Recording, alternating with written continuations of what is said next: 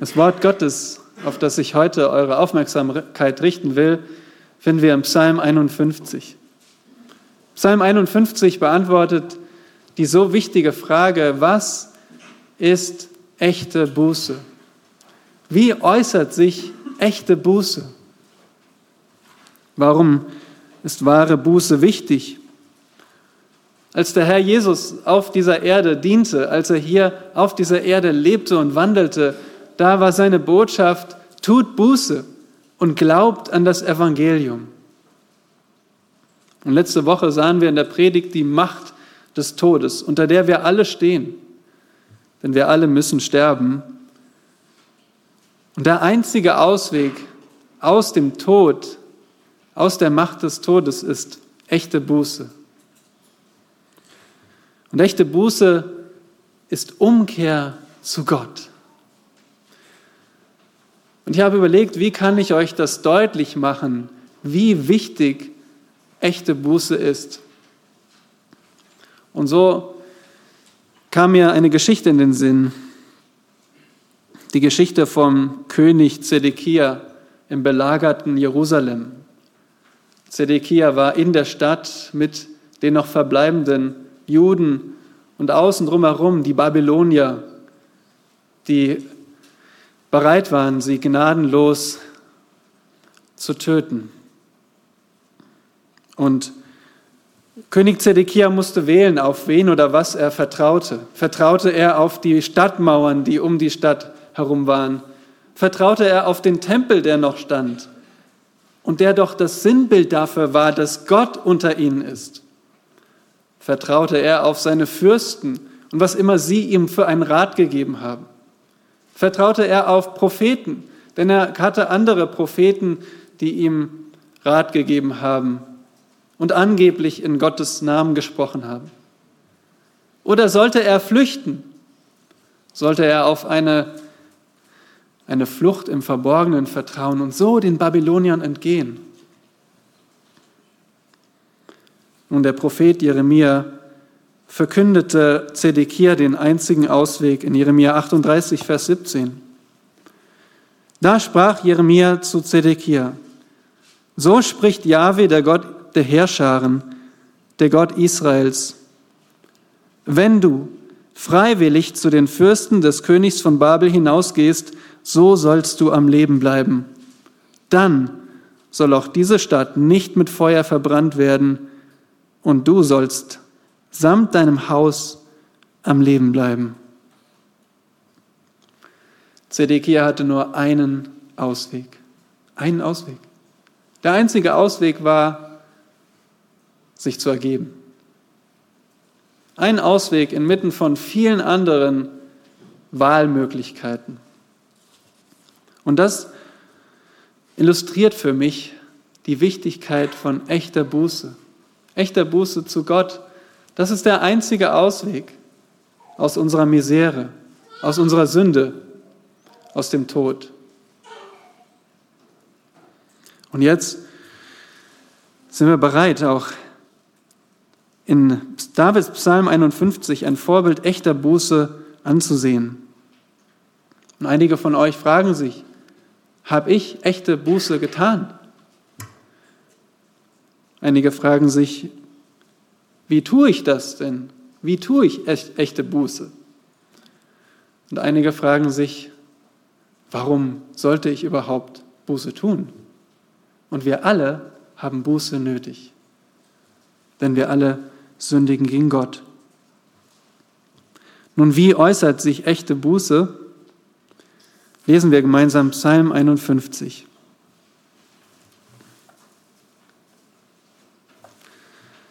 Dem Vorsänger, ein Psalm Davids.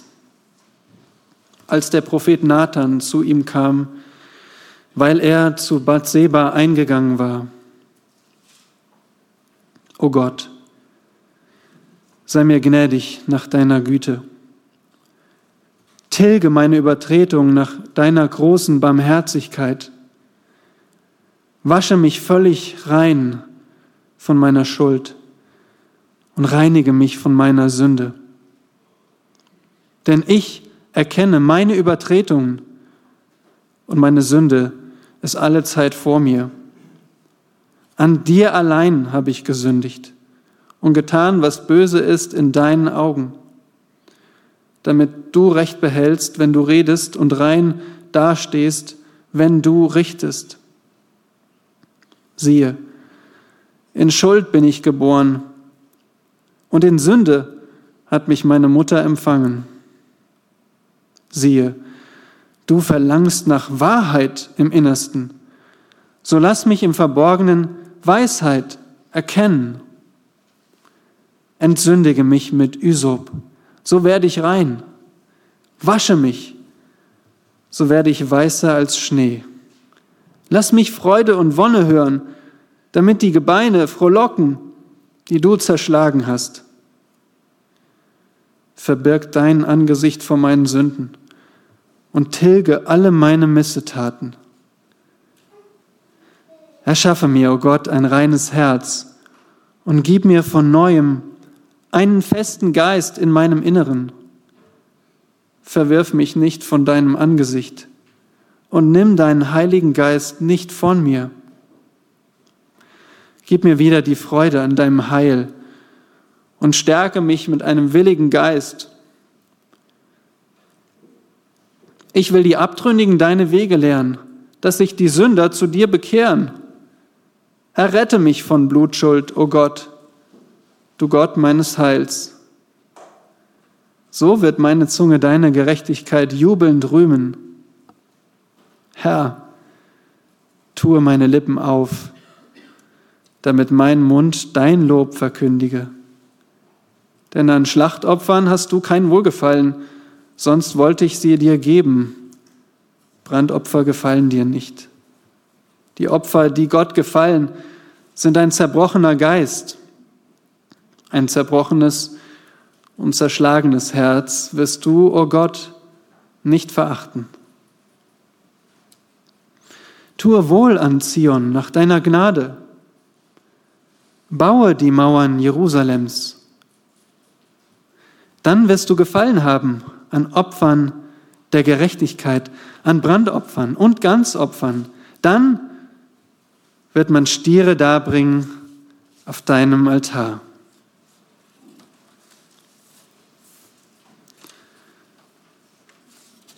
Dies ist das Wort des lebendigen Gottes durch David, den Propheten.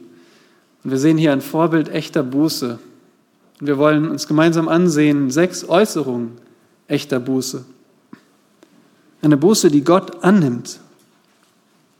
Keine falsche Buße, sondern Buße, die Gott annimmt.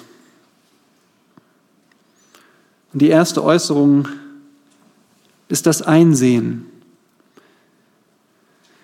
einzusehen, dass Gott Recht hat. Und das sehen wir in den ersten beiden Versen, da sehen wir den Kontext. Der erste Vers sagt uns, es ist ein Psalm, ein Psalm Davids. Also das ist ein Lied und deswegen wissen wir auch davon, was David dachte, weil er hat es publik gemacht. Jeder kann es jetzt sehen, was seine Gedanken sind. Und der zweite Vers gibt uns den Zusammenhang. David schrieb diesen Psalm, als der Prophet Nathan zu ihm kam, weil er zu Bathseba eingegangen war.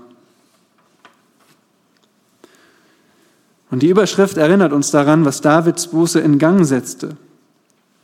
Zuerst musste er einsehen, was er getan hatte und dass Gott recht hatte. Und diese Einsicht, die kam nur durch Gottes Wort zustande, nur durch den Propheten, der ihm Gottes Wort sagte. Nathan war wirklich entscheidend hier, weil er das Wort Gottes zu David brachte. Denn David war eingegangen zu Bathseba. Das bedeutet, er hat mit Bathseba geschlafen. Und Bathseba war nicht seine eigene Frau, sondern es war Ehebruch. Und um zu verstehen, was hier geschehen war, müssen wir wissen, was David getan hatte. Und das lesen wir in 2 Samuel 11. Da lesen wir, wie, wie David nicht in den Krieg zog, und nach der Siesta in der Mittagssitze abends aufstand und die kühle Brise genoss. Und sein Haus war oberhalb der Häuser am Hang. Man kann es heute noch in Israel sehen, wo die Ruinen sind von dem Palast des Königs und, und er liegt oberhalb des Hangs. Und so hatte David Einblick, als eine schöne Frau sich badete auf dem Dach. David sah, es gefiel ihm, was er sah, und er erkundigte sich. Oder er erfuhr, dass diese Frau Bathseba, die Tochter Eliams, die Frau Urias war. Eliam war einer seiner 37 Helden. Sein Heer, später wird es gezählt und beziffert auf eine Million Personen. Und nur 37 waren seine Helden. Bathseba war die Tochter seines Helden. Bathseba war nicht nur die Tochter seines Helden, es war die Enkelin seines besten Ratgebers, Aitoffel. Und Bathseba war die Ehefrau von Uriah. Uriah war einer seiner 37 Helden. David muss es so deutlich gewesen sein. Meine Helden sind jetzt im Krieg. Das ist Bathseba. Aber David sandte hin und er ließ sie holen und er lag bei ihr bei Nacht. Es war Abend geworden und in der Nacht begab er, beging er Ehebruch. Und dann ging sie zurück. David wollte Bathseba nicht als seine Frau haben. Er wollte sie nur für eine Nacht. Aber dann ließ sie ihm sagen, dass sie schwanger geworden war.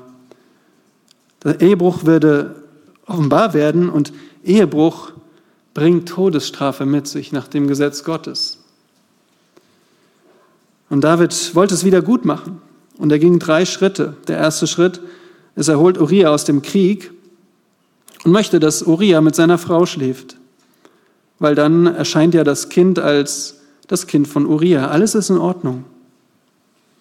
Aber Uriah ging nicht nach Hause. Uriah ist solidarisch mit den Kameraden.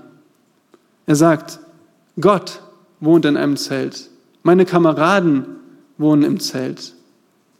Ich gehe nicht nach Hause. Womöglich würde er seine Kameraden in Gefahr bringen, weil er dann nicht rituell rein bleibt. Genauso sollte David sein. Genauso sollte David sein. Solidarisch mit seinen Männern. Und vor allem solidarisch mit Gott. Der zweite Schritt ist, David lädt Uriah zu sich ein und macht ihn betrunken. Er will Urias Prinzip betäuben, dass Uriah nicht mehr klar denkt, nicht mehr in seinem Prinzip festhält. Uriah folgt nicht der Lust. Er ging immer noch nicht nach Hause. Und weil Uriah nicht sein Prinzip aufgibt, muss er sterben. Und David fädelt es so ein, dass Uriah an einen sehr umkämpften Ort gestellt wird und Uriah kämpft mit Hingabe. So sollte David sein. Das würde ein gerechter Mann machen. Den Kampf Gottes kämpfen. Uriah stirbt und nicht nur Uriah, etliche. Das würde ja auffallen, wenn ein einzelner Mann stirbt, aber es fallen etliche. David opfert nicht nur einen Mann, sondern mehrere Männer, damit seine Sünde verborgen bleibt. Denn nun ist Uriah tot und David lässt Bathseba zu seiner Frau werden und sie bekommen ein Kind. Und nach außen erscheint alles sogar als Wohltat. Denn Bathseba ist jetzt eine Witwe und David kümmert sich um sie. Er holt sie in sein Haus. Nach außen erscheint alles wie eine Wohltat. Aber hier heißt es, Aber die Sache, die David verübt hatte, war böse in den Augen Jahwes.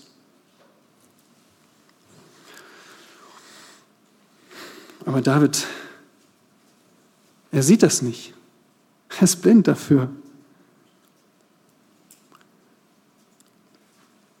Und jetzt kommt Gott und sendet Nathan. Und das Interessante ist, in dem Vers heißt es, so wie, so wie David zu Bathseba eingegangen war, so ging jetzt der Prophet Nathan ein zu David in sein Zimmer. David ging zu Bathseba ein, um zu sündigen, und Nathan ging zu David ein, um ihn aus Gnade zurechtzubringen.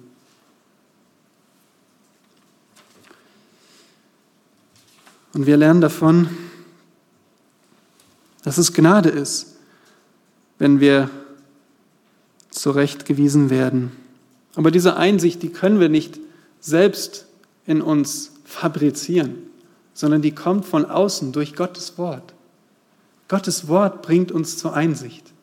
Und Einsicht ist die erste Äußerung von echter Buße. Zweitens, flehen. Denn nur Gnade hilft. Flehen, denn nur Gnade hilft. Und zu Beginn seines Psalms fleht David um Vergebung. Er erkennt, dass er es nicht wieder gut machen kann. Allein Gott kann es wieder gut machen. Und das nur aus Gnade. In den Versen 3 bis 4 sehen wir, wie David um Vergebung bittet. Aber warum betet David um Vergebung, nachdem Nathan ihm doch schon zugesprochen hat, so hat auch Jahwe deine Sünde hinweggenommen. Du sollst nicht sterben. Nathan hat ihm sofort die Vergebung zugesprochen. Aber warum betet jetzt David nochmal diesen Psalm? Die Antwort ist, David erkannte jetzt zum ersten Mal seine Sünde. Und auch wenn Nathan ihm die Vergebung Gottes schon zugesprochen hat, David brauchte die Gewissheit in seinem Herzen. Er musste das innerlich wissen, Gott hat mir vergeben. Und deswegen wendet er sich an Gott. Und er bekennt seine Sünde. Und es fällt auf in Versen 3 und 4, dass er drei verschiedene Worte benutzt. Und das beschreibt seine große Sünde. Seine Sünde ist beschrieben mit Übertretungen.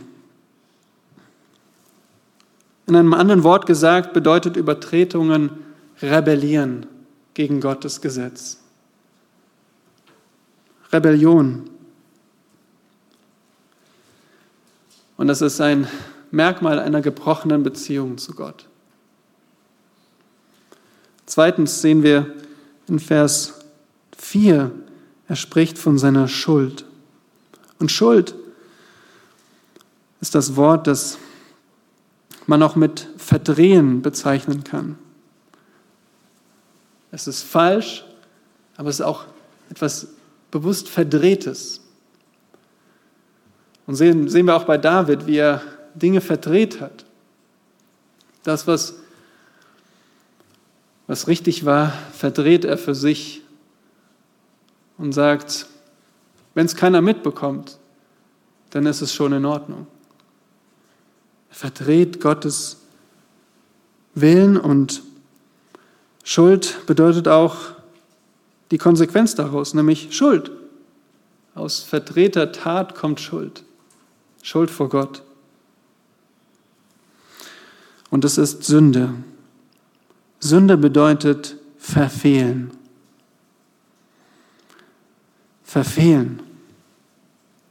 Nicht ganz sein. Nicht akzeptabel.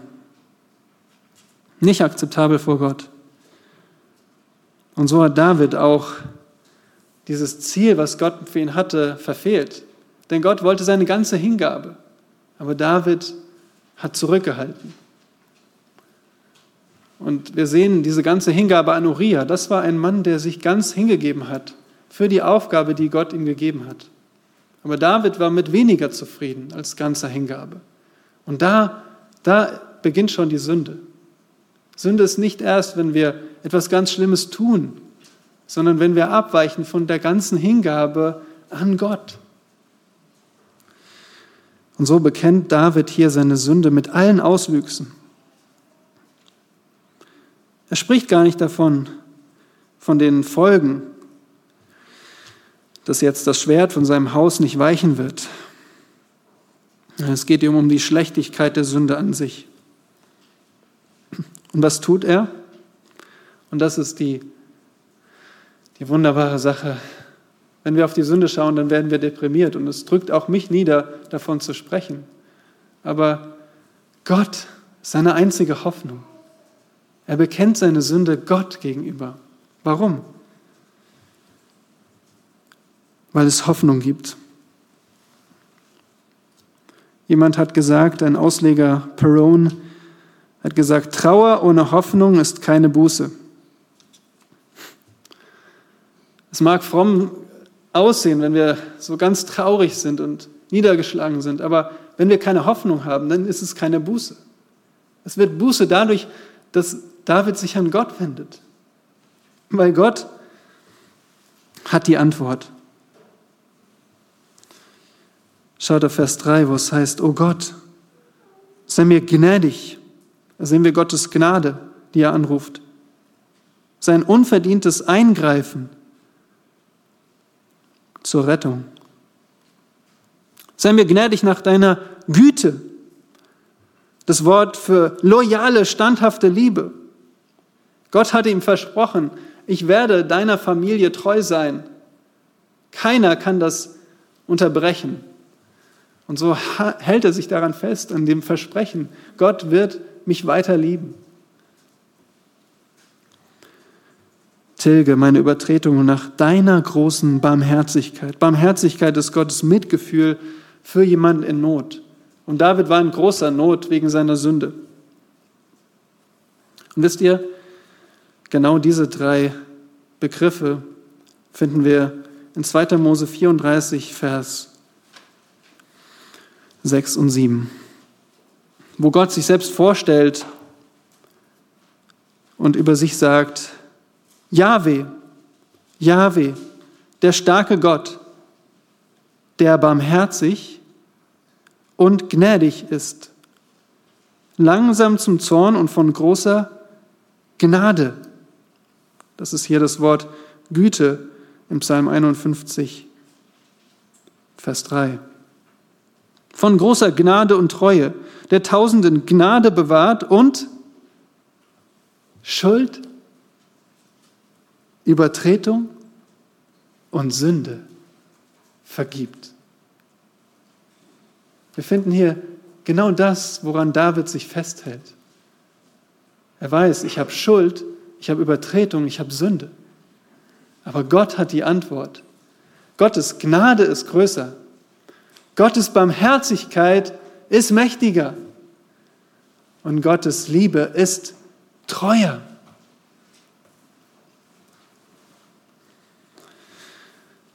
Das ist die Antwort. Und David weiß auch, wie diese Gnade aussehen muss. Er bittet um, er bittet darum, dass, dass Gott seine Sünde tilgt. Tilge meine Übertretungen. Das ist das Wort, was wir bei der Sinnflut lesen, wie Gott die Erde vertilgte. Und hier bezieht es sich wohl auf einen Schuldeintrag, der ausgelöscht wird von einer Schriftrolle oder von einer Steintafel. Und man hat sogar Schriftrollen gefunden, da hat man eine Schrift wiederhergestellt, die mal ausradiert wurde mit chemischen Verfahren. Aber David bittet hier um ein Austilgen, das man nicht wiederherstellen kann. Nicht wiederherstellbar. Er bittet um Waschung. Und dieses Wort waschen bedeutet waschen. Wenn wir uns vorstellen, ein, eine orientalische Person, wie sie die Wäsche nässt einseift, schlägt, mit den Händen schlägt, ausringt und abspült. Diese Art von Waschung ist gemeint.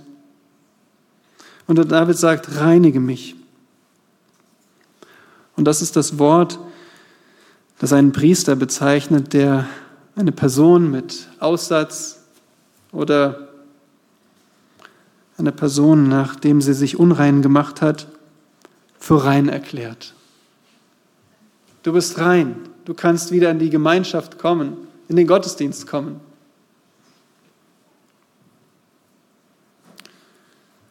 Und ich frage dich heute Nachmittag, wie viel Gnade Gottes brauchst du?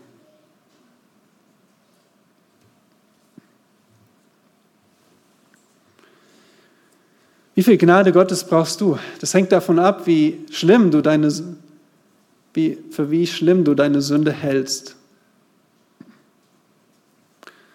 Ich erinnere euch daran, dass eine einzige Sünde den Tod hervorbrachte, unter dem wir jetzt noch leiden. Eine Sünde im Garten Eden brachte den Kosmos in den Tod. So schlimm ist Sünde. Und wir mögen sagen, das ist David. David hat so Furchtbares getan. Er hat Ehebruch begangen. Und der Herr Jesus sagt uns, wenn du mit deinen Augen eine Frau ansiehst und sie begehrst, dann hast du Ehebruch in deinem Herzen begangen. Wir sagen, ich habe doch noch nicht gemordet. David war ein Mörder. Er hat nicht nur Uriah umgebracht, sondern mehrere Leute. Und der Jesus sagt, wenn du deinen Bruder einen Narren hältst, dann hast du in deinem Herzen Mord begangen. Wir sind auf derselben Ebene. Wir sind genauso schuldig wie David. Und was können wir dagegen tun? Nichts. Wir sind auf Gott geworfen. Nur Gnade hilft uns. Was ist die dritte Äußerung von echter Buße? Wir sehen weiter in Versen 5 bis 8 das Bekenntnis. Bekennen. Bekennen ist die eine echte Äußerung und das Bekenntnis lautet, ich bin Sünder. David will nichts verheimlichen. Darum bekennt er Gott seine Sünde und er geht tiefer als nur die Tat. Er bekennt, wer er ist. Er sagt, ich bin Sünder. Aber warum bekennt er jetzt erst? Nun, weil er jetzt erst seine Sünde erkennt. Es ist wie dass er einen Balken in seinem Auge hatte und, und erst jetzt wird ihm klar, was er da vor sich trägt. Ein Balken in seinem Auge.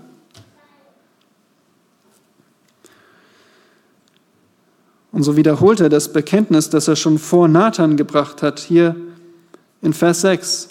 Er sagt zu Gott, an dir allein habe ich gesündigt. Das sind die Worte, die wir in 2 Samuel 12 gelesen haben, wo David sagt, ich habe gegen Jahwe gesündigt. Weiter sagt er, und getan, was böse ist in deinen Augen. Und damit stimmt er überein mit dem, was Nathan ihm gesagt hat.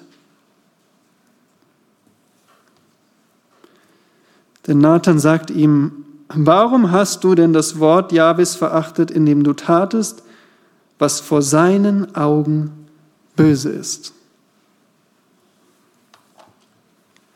Und wir könnten uns fragen, warum sagt David, gegen Gott allein habe ich gesündigt?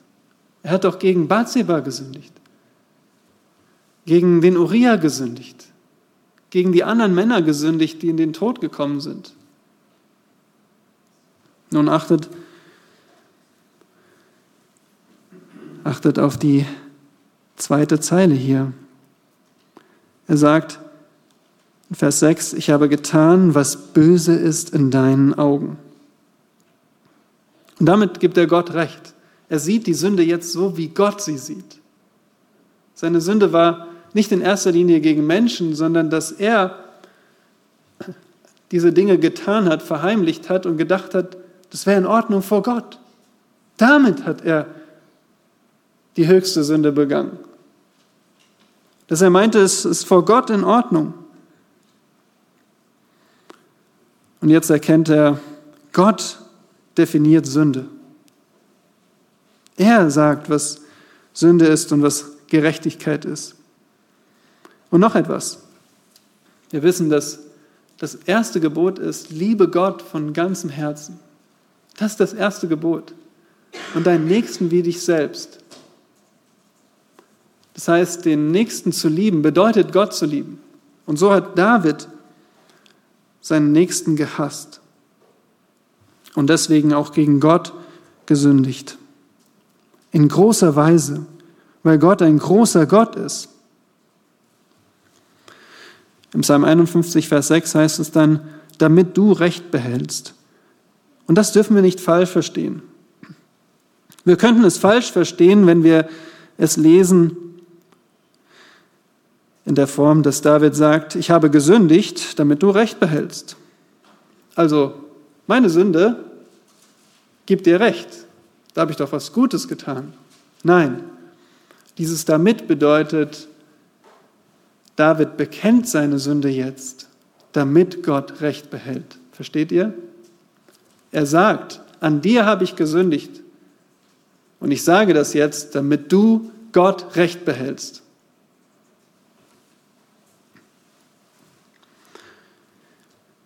Und jetzt achtet mal darauf, wie David fortfährt.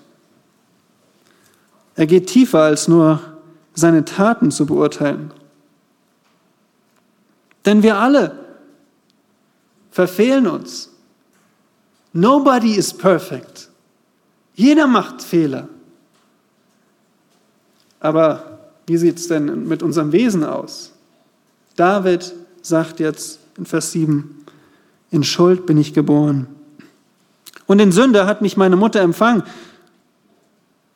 Hat denn seine Mutter gesündigt? Schiebt er seine Schuld jetzt auf seine Mutter? Nein.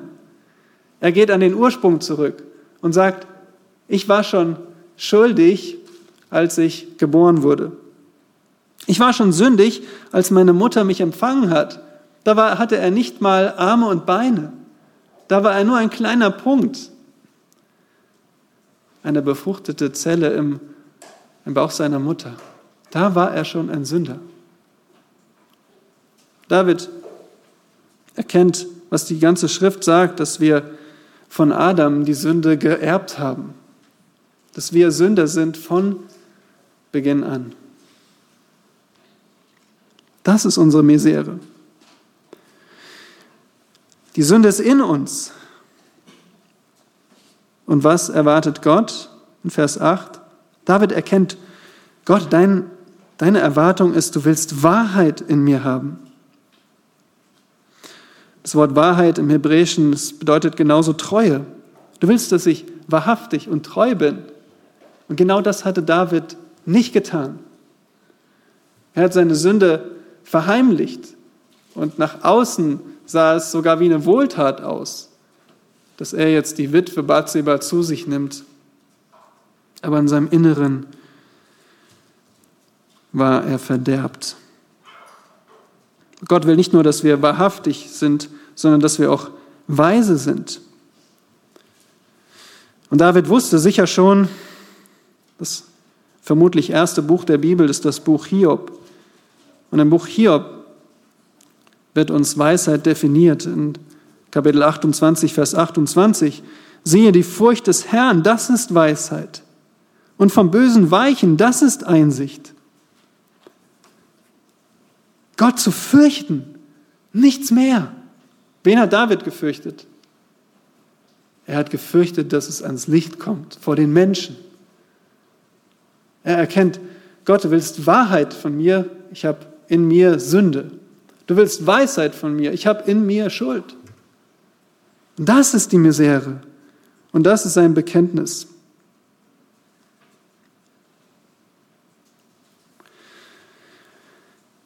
Was bekennen wir dem Herrn, wenn wir unsere Sünde bekennen? Bekennen wir dann, was wir falsch gemacht haben? Fragen wir uns, was bringt diese Sünde in mir hervor? Was ist das in mir? Taten zu bekennen ist unvollständig, ihr Lieben. Wir müssen bekennen, was in uns böse ist. So wie Paulus sagt, ich weiß, dass in meinem Fleisch nichts Gutes wohnt. Und wie Jesaja Gottes Herrlichkeit sieht und sagt: Wehe mir, denn ich bin verloren. Ich bin verurteilt.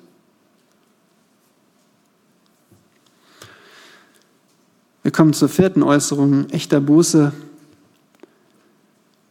Wir bekommen zu der Hoffnung, die Gott für uns hat.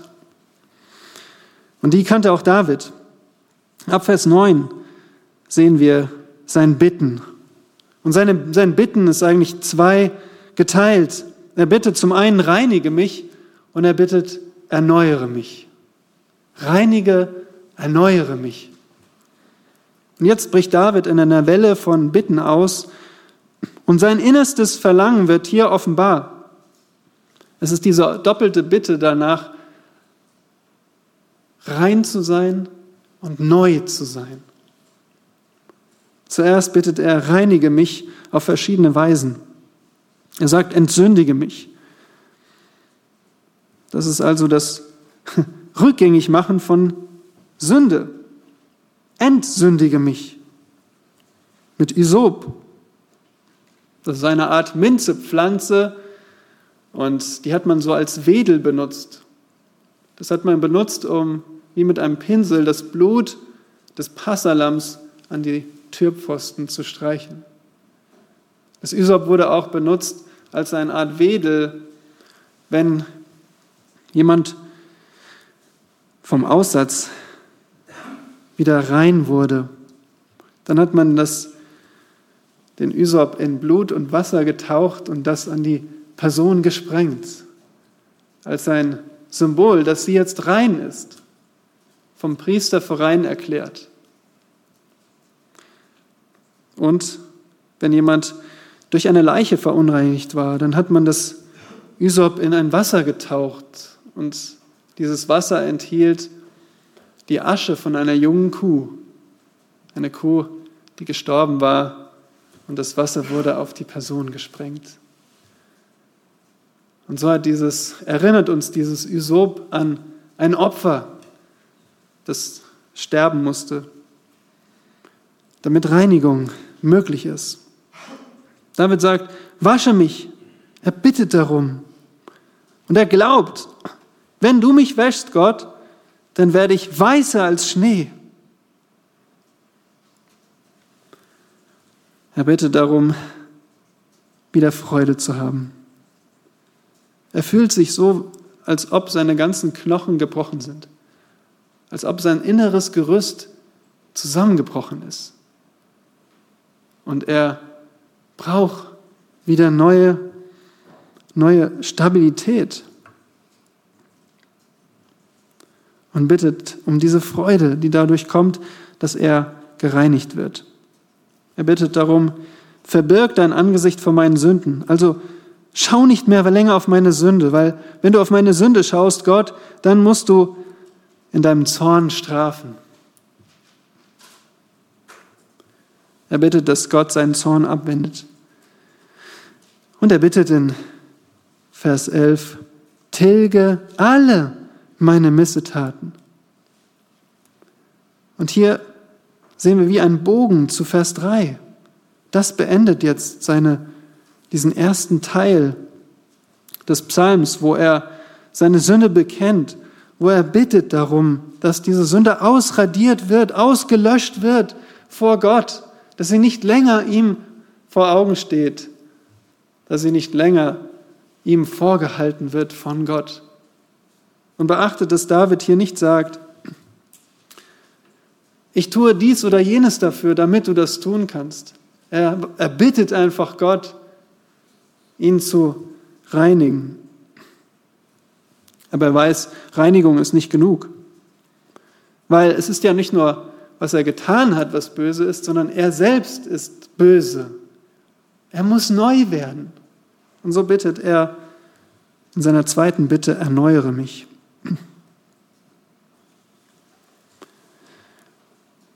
Er sagt, ich muss innen neu werden. Er bittet um eine neue Schöpfung in Vers 12. Erschaffe mir, o oh Gott, ein reines Herz. Das Herz, und hier ist nicht das physische Herz gemeint, aber es hilft uns zu verstehen, worum es geht. Denn unser Herz,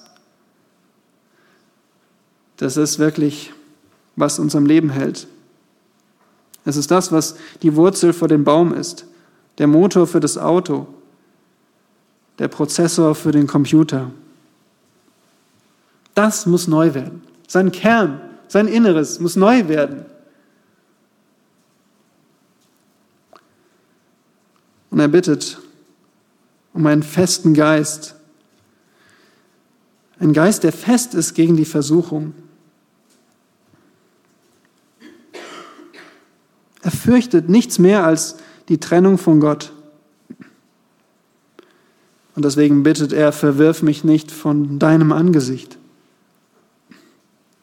Er fürchtet, dass mit ihm das geschieht, was mit Saul geschehen war, dass Gott seinen Heiligen Geist von ihm nimmt. Der Heilige Geist, der die Befähigung war, um als König zu dienen. Er fürchtet, dass er diese Rolle verliert, diese Befähigung verliert. Aber nicht nur das, sondern der Heilige Geist ist seine einzige Hoffnung, um gute Gedanken zu fassen, um das Richtige zu tun. Er hat keine Hoffnung mehr auf sich, auf seine Entschlusskraft. Er weiß, das kann nur von außen kommen, wenn Gott mir das richtige Verlangen gibt und, und diesen Entschluss und diese Festigkeit, heilig und gerecht zu leben. Und er bittet um neue Freude. Gib mir wieder Freude an deinem Heil, an deiner Rettung.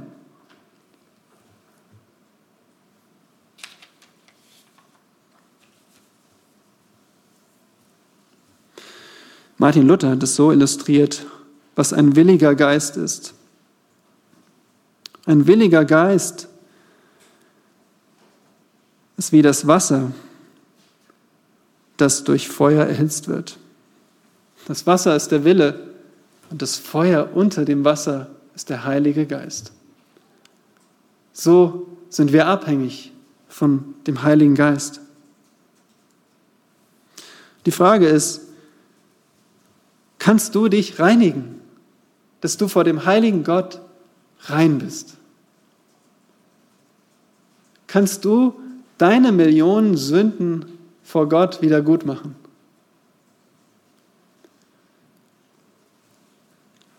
kannst du deinen Eigenwillen, dein Besserwissen, deine Selbstsucht aus dir herausreißen und ersetzen mit wahrer Liebe. Nein. Was machst du damit? Wo gehst du hin? Jetzt. Es gibt nur einen Retter. Und wir sind die Gemeinde des neuen Bundes. Das müssen wir auch bedenken, wenn wir einen Psalm auslegen. Das ist nicht die ganze Offenbarung. Wir sind hier an einem Punkt, an dem David wusste, nur Gott kann mich reinigen. Nur Gott kann mich aus Sünde retten. Aber wir wissen mehr als das. Wir wissen, dass aus Davids Familie der Retter kam, der Gesalbte, der Christus dass es für unsere Reinigung eine, eine Tat braucht. Aber nicht unsere Tat, sondern die Tat eines Gerechten, dass Gott seinen Sohn sandte, der auch wie David in dem Bauch einer Mutter aufgewachsen ist. In der Jungfrau Maria. Und er war ohne Sünde. Er wurde nicht in Schuld empfangen. sondern der Heilige Geist hat dieses Wunder bewirkt. Er war absolut rein. Und er kam, um Gottes Gesetz zu halten. Er hatte keine Übertretung, keine Schuld, keine Sünde, nur Gerechtigkeit. Und als solcher ist er stellvertretend für Sünder wie David ans Kreuz gegangen. Dort wurde er, hat Gott sich im Zorn zugewendet und auf die Sünden geschaut, die er trug. Dort hat er die Sünden bestraft, die andere getan haben. Das ist das Wunder von Golgatha, dass Gott Sünden richtete, die nicht Jesu eigene Sünden waren. Er ist das Opfer, das überhaupt Reinigung möglich macht. Und deswegen haben wir gesungen, dass wir zu Christus kommen müssen, ihm nahen müssen im alleinigen Vertrauen und Glauben an ihn. Denn er ist jetzt im Himmel erhöht. Er ist auferstanden am dritten Tag von den Toten.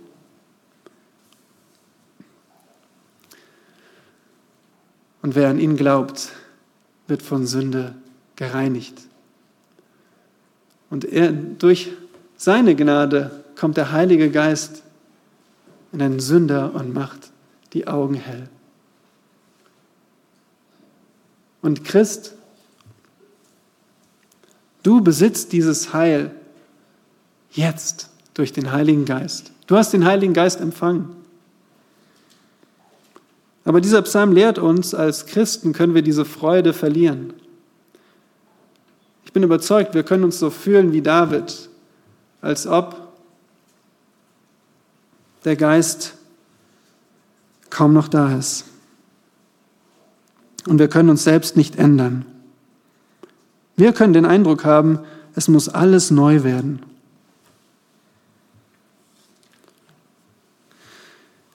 Aber wir wissen, Gott erhört ein aufrichtiges Bitten, reinige und erneuere mich.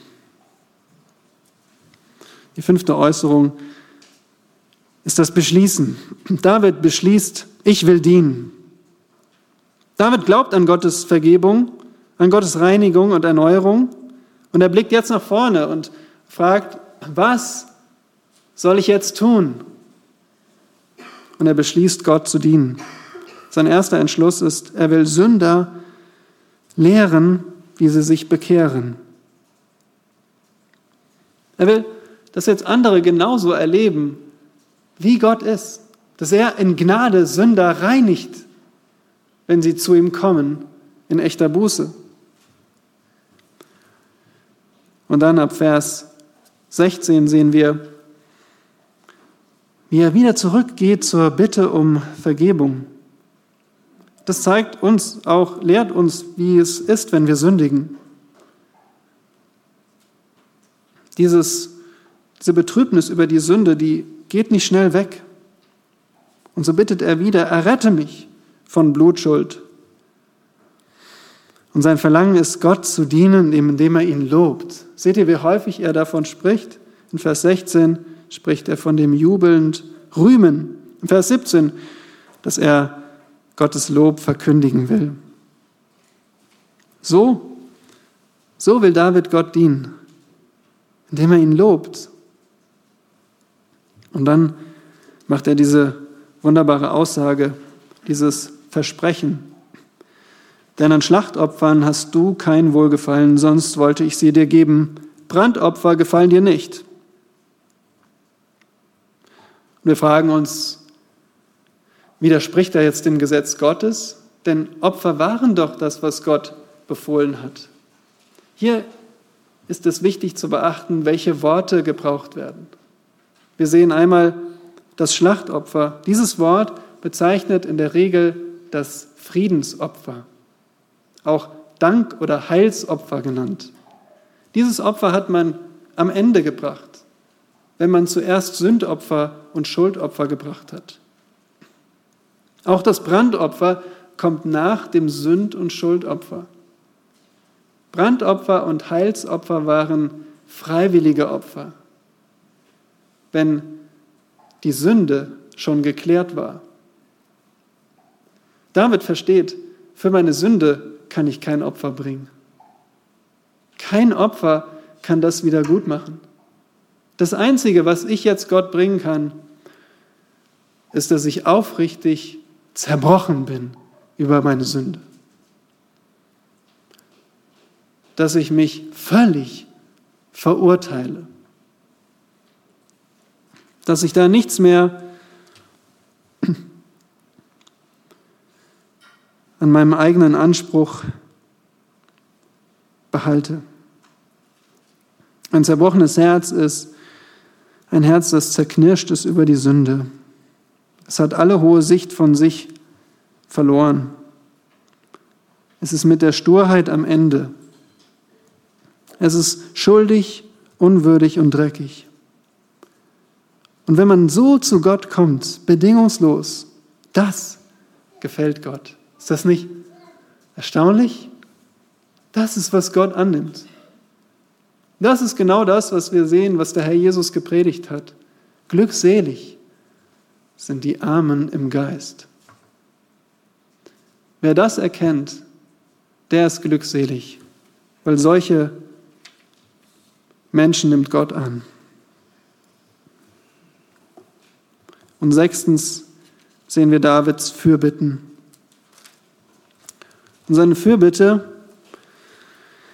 richtet sich jetzt auf das Volk Gottes. Und wir könnten sagen, die Fürbitte lautet, Gott baue seine Gemeinde. Jetzt ist David wieder in der Lage, Fürbitte zu tun.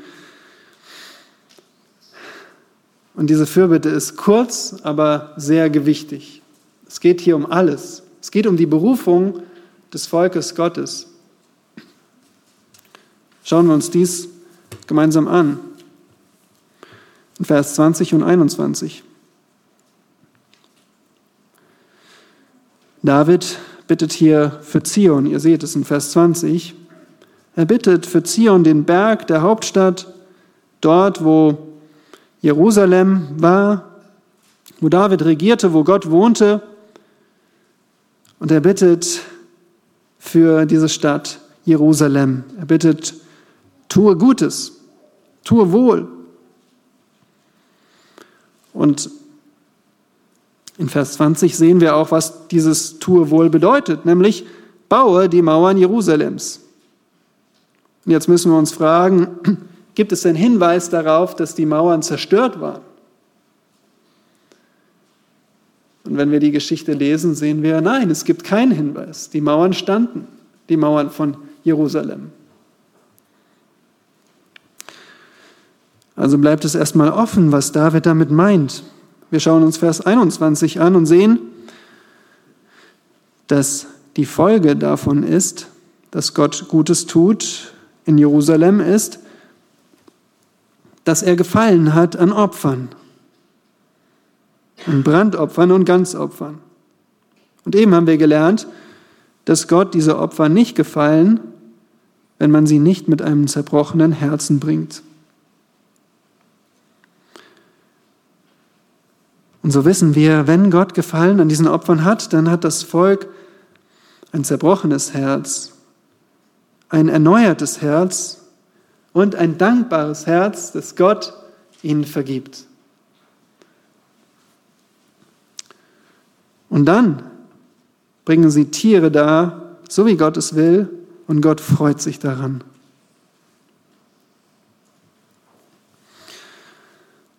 Also was bedeutet es, die Bauern, die Mauern des, der Stadt Jerusalem zu bauen?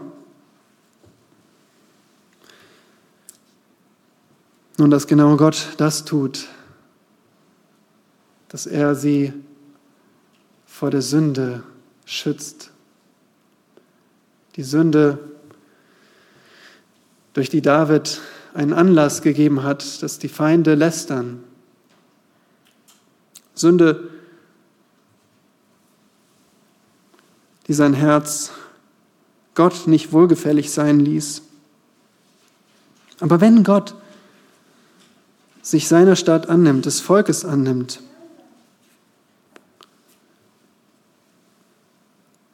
wenn sie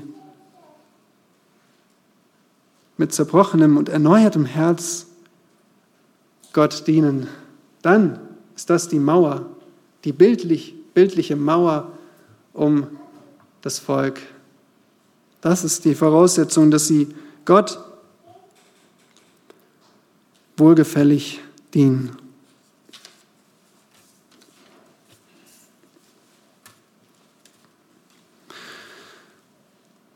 Und so haben wir uns sechs Äußerungen echter Buße angesehen im Psalm 51, wie David seine Sünde einsieht. Und diese Einsicht kommt durch Gottes Wort. David fleht um Gnade, denn nur Gott ist jetzt seine einzige Hoffnung. Er bekennt seine Sünde, die in ihm ist. Und er bittet um Reinigung, um Erneuerung. Er beschließt, als vergebener Mensch, als erneuerter Mensch, will er Gott dienen, indem er andere lehrt und indem er Gott lobt. Und er bittet für das Volk, für die Stadt, dass auch sie dasselbe lernen, wie er gelernt hat, sich zu demütigen vor Gott und so vor Fall und Sünde geschützt zu sein, um so Gott würdige, wohlgefällige Opfer zu bringen, so wie er es auch befohlen hat. Das ist echte Buße, aber was unterscheidet das von falscher Buße? Auch der Islam lehrt aufrichtige Buße über Sünden. Die römisch-katholische Kirche lehrt das Sakrament der Buße, Buße in, über Sünde, indem man sich prüft, indem es einem leid tut, indem man seine Gesinnung ändert, indem man seine Sünde dem Priester bekennt und indem man den aufgetragenen Konsequenzen Folge leistet. Auch die evangelische Kirche Deutschlands durch ihre Prälatin lehrte am vergangenen Buß- und Betag, dass Buße ein Nachsinnen auch ein Bereuen, Bedauern, rückgängig machen wollen, vor allem ein Tun ist. Das klingt erstmal sehr ähnlich.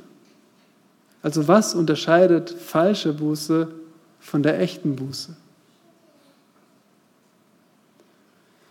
Und der fundamentale Unterschied ist, David kannte Gott.